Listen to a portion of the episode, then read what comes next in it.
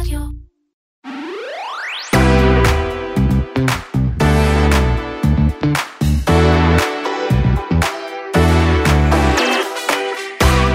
ביולי מייקרוסופט השיקה שבב חדש שפותח כאן במרכז המחקר של החברה בחיפה.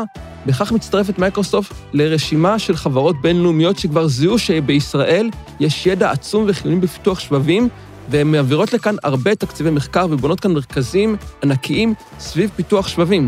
נדבר על זה עם דוקטור תומר סיימון, המדען הראשי של מייקרוסופט ישראל, מחקר ופיתוח.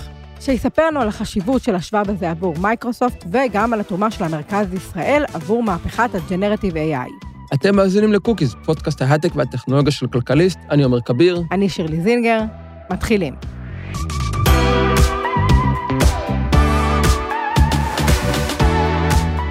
ממש החודש מייקרוסופט השיקה שבב חדש שפותח בישראל. מי היה מאמין? מי היה מאמין? אני הייתי מאמין, את יודעת, אמזון מפתחת שבבים בישראל, אפל מפתחת שבבים בישראל, אינטל כמובן מפתחת שבבים בישראל. אני, הדבר היחיד שאני לא מאמין זה שרק עכשיו מייקרוסופט נזכרה לפתח שבבים בישראל, אבל בכל זאת, הנה זה מגיע, מייקרוסופט מצטרפת לרשימת החברות שמזהות את ישראל כמוקד עולמי, מוקד יעד עולמי של פיתוח שבבים, וזו הזדמנות מצוינת לדבר עם דוקטור תומר סיימון, המדען הראשי של מייקרוסופט ישראל במחקר ופיתוח, על בעצם איך פתאום מייקרוסופט נכנסה לתחום הזה בישראל, ומה החשיבות של השבב, ומה עוד אנחנו צופים לראות במייקרוסופט ישראל בנושא של שבבים. שלום, תומר. שלום וברכה, עומר. אז תומר, אני שואל באמת, למה רק עכשיו מגיעים עם השבבים אחרי אינטל, אמזון, אפל? לא מתאים למייקרוסופט להיות כל כך מאחור. פרויקטי שבבים ארוכי טווח, אה, החשיפה עכשיו, אבל אה, צריך להבין שפרויקטים כאלה הם אה, של מספר שנים של פיתוח, ושמגיעים ל production, כמו שיצא לפני כשבוע הכרזה, אז זה אומר שהיה פה תהליך של מספר שנים של פיתוח, של תכנון, של הייצור של כל הדבר הזה, ובגלל זה גם אם עכשיו רק אתם שומעים על זה, אני רוצה להגיד, הפעילות פה של מייקרוסופט, תפיסה למחקר ופיתוח בחיפה היא כבר של מספר שנים. אתה יכול קצת להסביר לנו בקצרה על השבב שפותח כאן, למה הוא מיועד ואיזה יכולות הוא נותן למייקרוסופט או ללקוחות של מייקרוסופט, ממש בקצרה? כן, אז אה, תראו, הענן אה, בסוף אג'ור זה הענן הציבורי הגדול ביותר, וחלק מההבנות שאנחנו רואים זה כל האופטימיזציות ואיך לנהל אותו בצורה נכונה, ואיך בעיקר לעשות אופטימיזציות לביצועים, כדי שללקוחות יש שירות הרבה יותר מהיר, יותר מאובטח, ובסוף גם של מגוון שירותים יותר זמינים, וזה ממש המטרה של Azure Boost. אה, שלמעשה, תחשבו רגע, ניתן את זה רגע אה, לחשוב, אתם מכירים מעבד CPU, אבל מעבדים בדרך כלל עושים הרבה מאוד פעילויות, כולל הניהול של החשמל, הניהול של הרשת, הניהול של האחסון, המערכת ההפעלה, המון המון דברים, ולא רק הפעילות של, ה, של האפליקציה שלכם. והמטרה של אג'ור בוסט זה ממש לעשות אופלואוד, לקחת את המשימות האלה של הניהול, ולפנות את ה-CPU כדי שיוכל להתמקד בעיקר בשירות ללקוח. וזה רגע הדגש הזה שאנחנו עושים, ואז זה גם אה, עושה offload. תחשבו רגע משהו כמו המוח. תמיד יש איזו טענה שהמוח אה, עובד רק 14 או 30 אחוז מהיכולת שלו. כי תחשבו, המוח מנהל לנו את כל הגוף. את, ה, את הלב, את הריאות, את הנשימה, את השרירים, את הכל. ולא רק לחשיבה, יש לנו רק בסוף אחוזים נמוכים רק לחשיבה. תחשבו שהיינו יכולים לעשות offload להרבה מאוד מהפעילויות האלה, כדי שהמוח יהיה רק לחשיבה למשל. זה בדיוק רגע אג'ור בוסט שמאפשר עכשיו למעבדים באג'ור להתעסק במה שהלקוחות רוצים שהם יתעסקו, ולתת להם שירות הרבה יותר מהיר והרבה יותר מאובטח. מעניין. אמ, רציתי לשאול, תן לנו קצת אה, מאחורי הקלעים של הפעילות הזאת בישראל. כמה אנשים עובדים על זה? אז אני לא יכול לתת אה, מספרים, וזו קבוצה של עשרות רבות בסוף, אה, של קבוצה של חלק מהתהליך גם המאוד מאוד מעניין, זה גם הגיוון של הקבוצה, שזה מכל המגזרים של החברה הישראלית ממש, וזה גם חלק מה, מהמיקום של זה בחיפה, אה, וזה תענוג לראות את הקבוצה ואת מה שהיא עושה כבר חלק מהמהנדסי תוכנה, המהנדסי חומרה, תחומי מומחיות שונים, ממש deep tech, המהנדסים הטובים ביותר שישראל יכולה אה, להציע, ובסוף להוציא את החדשנות הזאת, שזה בסוף ל global scale, לאז'ור, למאות מיליונים של משתמשים שהולכים ליהנות מהפיתוח הזה, אה, וזה רגע מה שמפותח בחיפה. למה בעצם אה, מייקרוסופט צריכה לפתח עצמאית שבבים משלה? למה לא לקנות מ... אה, לא יודעת, מ-NVIDIA, מ-ARM, מכל החברות אה, שבבים הענקיות שיש בעולם? קודם כל אנחנו בשותפות עם כל ספקיות השבבים, אבל לפעמים, כמו שאמרתי, שהם נהיים בסוף הענן הכי גדול בעולם, אז אנחנו יודעים איך הכי טוב לעשות לו אופטימיזציות.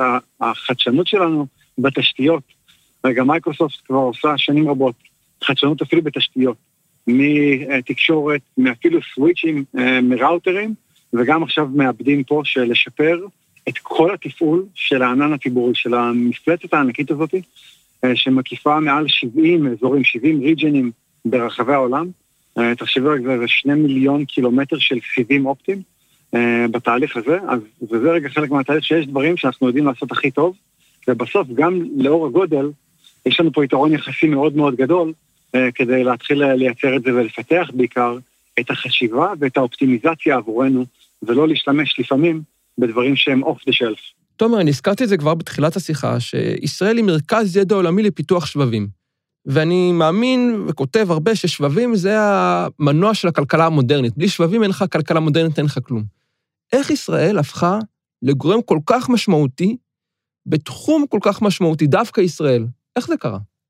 אז אה, קודם כל זה, זה מעניין, זה תהליך של ארוך שנים, האמת של עשרות שנים כבר, אה, ואם אנחנו הולכים אה, לשנות ה-90, אז זה פה כמה וכמה גורמים, שאני אגיד אינטל, מערכת הביטחון, שאם אתם מסתכלים רגע, המערכת בכלל של החומרה פה והמעבדים התחילו בכלל בתחום התקשורת בהתחלה, וחומרה, וזה רגע חלק מייחודיות מאוד מאוד גדולה של האקוסיסטם, ולאורך השנים נהיו פה יותר ויותר מומחיות, יש כאלה שאפילו אני רגע אומר שמייחסים את זה אפילו לפרויקט הלוי, חלק מה...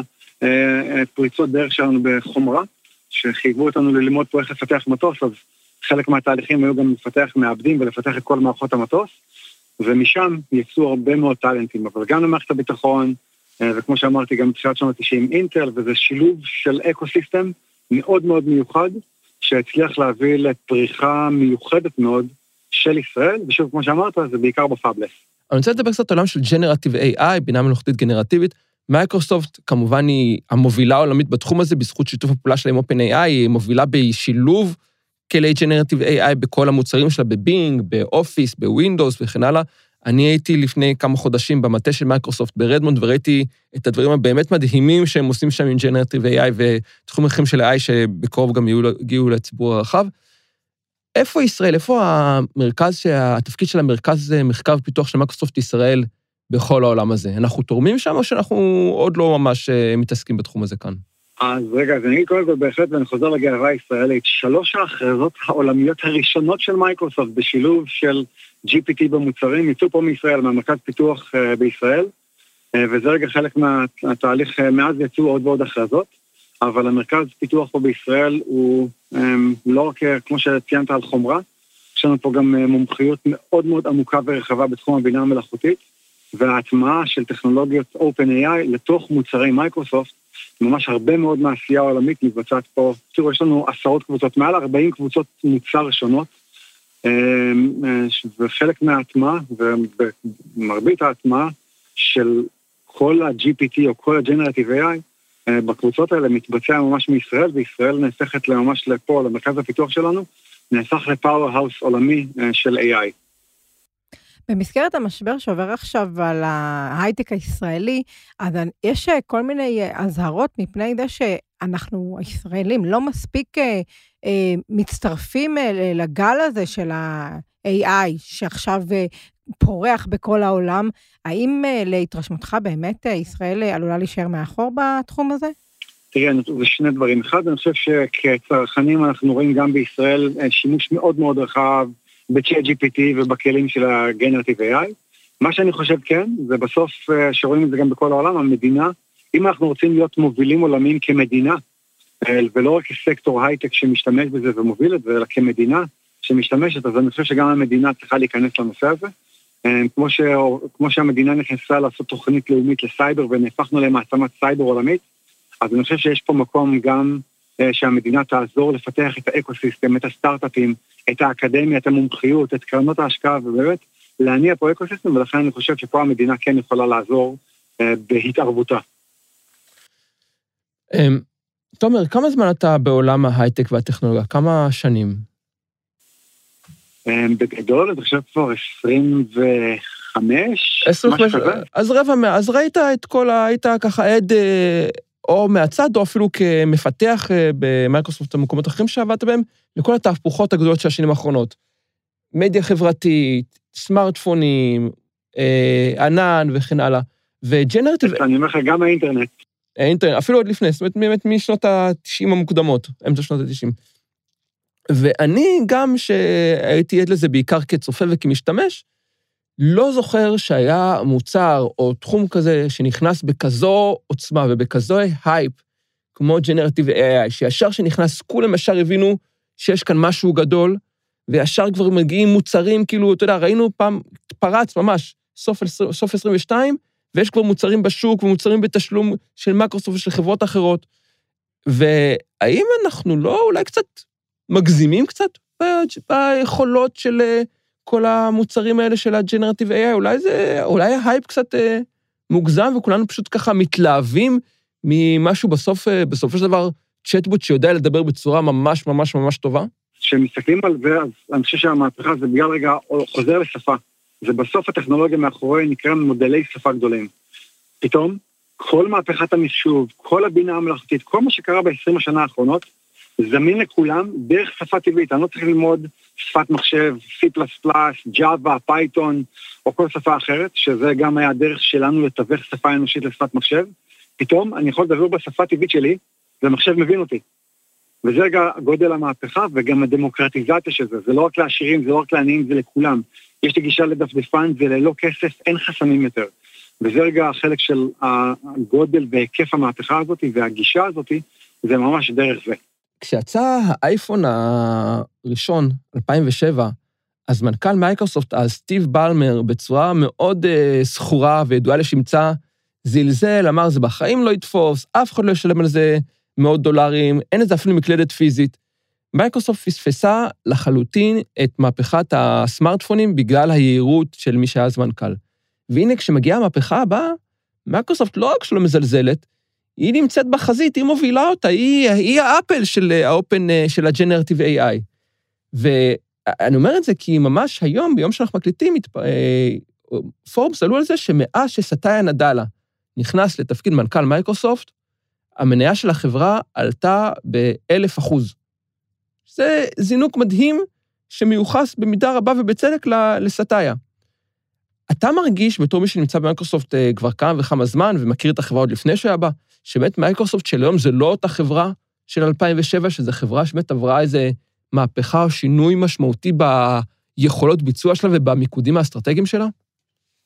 אה, לגמרי, גסטי נדל עשה שינוי מקצה לקצה, אה, ולא רק בטכנולוגיה, אלא בעיקר בתרבות הארגונית, בתרבות הניהולית, בהעצמת העובדים, במגוון היכולות, ובעצם ללא גבולות. כל אחד, אתה רוצה לבוא עם רעיון, תעשה אותו, ונתן מיקודים אסטרטגיים וחזון, ורגע זה מתחבר למה שאתה אומר, המהפכה קרתה ב-30 בנובמבר 2022, צ'אט GPT יצא, והכל רגע, אני אומר, במרכאות התפוצץ לכולם, אבל מייקרוסופט השקיע ב-OpenAI כבר את המיליארד הראשון ב-2019, רגע, להבין שזה שלוש שנים לפני, בכלל עוד רגע, אני אומר, לפני בכלל משבר הקורונה, זיהתה את התהליך הזה, וזה רגע המבט החזוני ולהביא את החדשנות ולחשוב בעיקר על הלקוח ועל העסקים ולדמיין את עולם העסקים ועולם העבודה מחדש ודרך הטכנולוגיה, וזה דרך אגב חלק מהשינוי האסטרטגי של המעבר לענן. דרך אגב, סאטיה גם סגר למעשה את ה-Windows Phone, וזה רגע חלק מהגישה הזאת של כן, להודות רגע בכישלון, וזה רגע השינוי התרבותי. הייתה החלטה לא נכונה, הייתה החלטה מאוחרת, בואו נעבור לענן, למהפכת הענן, למהפכת הבינה המלאכותית, וזה רגע הדגשים שסטטיה כאסטרטגיה שם, ואתה רואה את כל הכינוס הזה, את כל הכינוס האסטרטגי של מייקרוסופט שהשתנה למעשה מאז 2014, אה, שהוא נכנס כמנכ"ל. עכשיו רק תסדר לי ראיון טוב ואני מרוצה. תודה רבה, תומר. תודה. תודה רבה.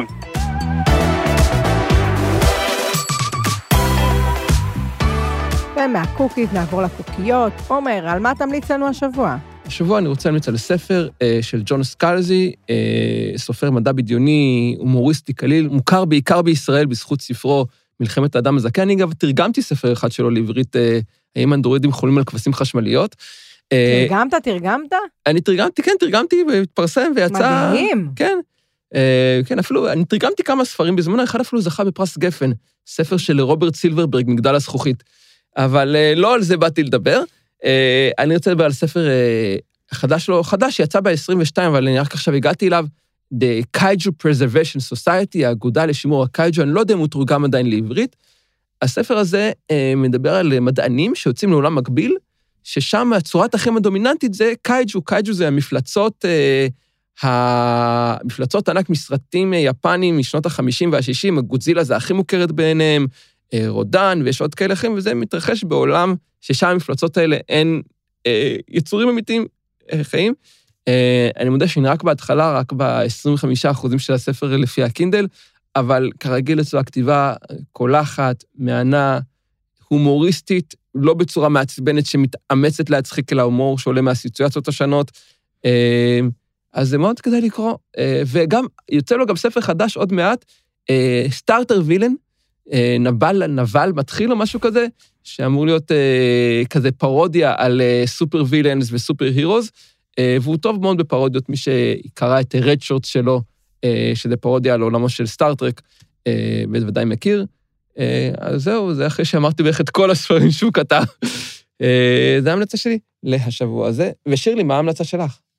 אה, ההמלצה שלי היא משהו שכבר אולי המלצתי לה בעבר, אבל אני באמת יוצאת נפעמת, ואני חושבת ששווה אה, לנסות אה, למי שיכול לחוות את החוויה הזאת, ואני מדברת על האופרה הישראלית. נגמרה לאחרונה העונה עם מופע של הרקוויאם של מוצרט, שזה באמת יצירה מפעימה. אני רק רוצה לעצור ולהגיד שאני ממש לא... צרכנית אה, קבועה של מוזיקה קלאסית, ואין לי השכלה מוזיקלית מיוחדת, ואני לא מבינה בזה כלום. זה במסגרת אה, ניסיונות משפחתיים לפתוח לכולנו את הראש, ואני חושבת שזה מצליח, זאת חוויה מיוחדת. ההופעה, המופע הוא לא רק המוזיקה, כמובן שחלק גדול מזה, זה לא רק המוזיקה ולא רק השירה, אלא זה באמת גם אה, הופעות בימתיות אה, מדהימות, עם תפאורה מדהימה, עם החול שמלווה אה, אה, הרבה פעמים את היצירה המוזיקלית. אה, עכשיו האופרה הישראלית אה, מתחילים למכור כרטיסים אה, לעונה הבאה, וגם שם אה, צפויות להבנתי כמה הופעות אה, מיוחדות אה, ויפות, ואני באמת חושבת ששווה לנסות אה, מתישהו לחוות את החוויה הזאת של אופרה, ובמיוחד של האופרה הישראלית, כי היא גאווה יחידה והיא בהחלט טובה ומשתפרת וראויה מאוד מאוד. אני מת על אופרה, אף פעם לא תדע באופרה הישראלית, זה משהו שאני חייב לתקן במהירות ובדחיפות. הם כמובן לא שרים בעברית, שלא יהיה ספק, אבל הרבה פעמים יש מנצחים מבחוץ, יש גם זמרים, אורחים וכן הלאה, אבל יש פה ליבה של צוות אה, אה, מקצועי, מקומי, מדהים ומצוין. אוקיי, אז אופרה, אני בהחלט אנסה, אני חושב שבהמלצה הקודמת שלך עדיין לא ניסיתי, עכשיו אני חייב, שלא תשב, ואני לא יכול לשבת בהמלצה בשנה הבאה להגיד שאף פעם לא ניסיתי. שיש להם גם מדי פעם מופעים לילדים. Mm. וזה, האחיינית שלי הייתה עם אבא שלי, והבנתי גם שזאת חוויה מאוד מאוד נחמדה ומוצלחת. אוקיי. אז זה גם אופציה. כן. אלו היו הקוקיות והקוקי שלנו לשבוע. אני שירלי זינגר. אני עומר כביר, תודה לאופיר גל מסוף הסאונד סטודיוס, ואם אהבתם, חפשו אותנו באפל פודקאסט, גוגל פודקאסט, ספוטיפיי, או איפה שאתם מאזינים לפודקאסטים שלכם, וירשמו אלינו. להתראות בשבוע הבא.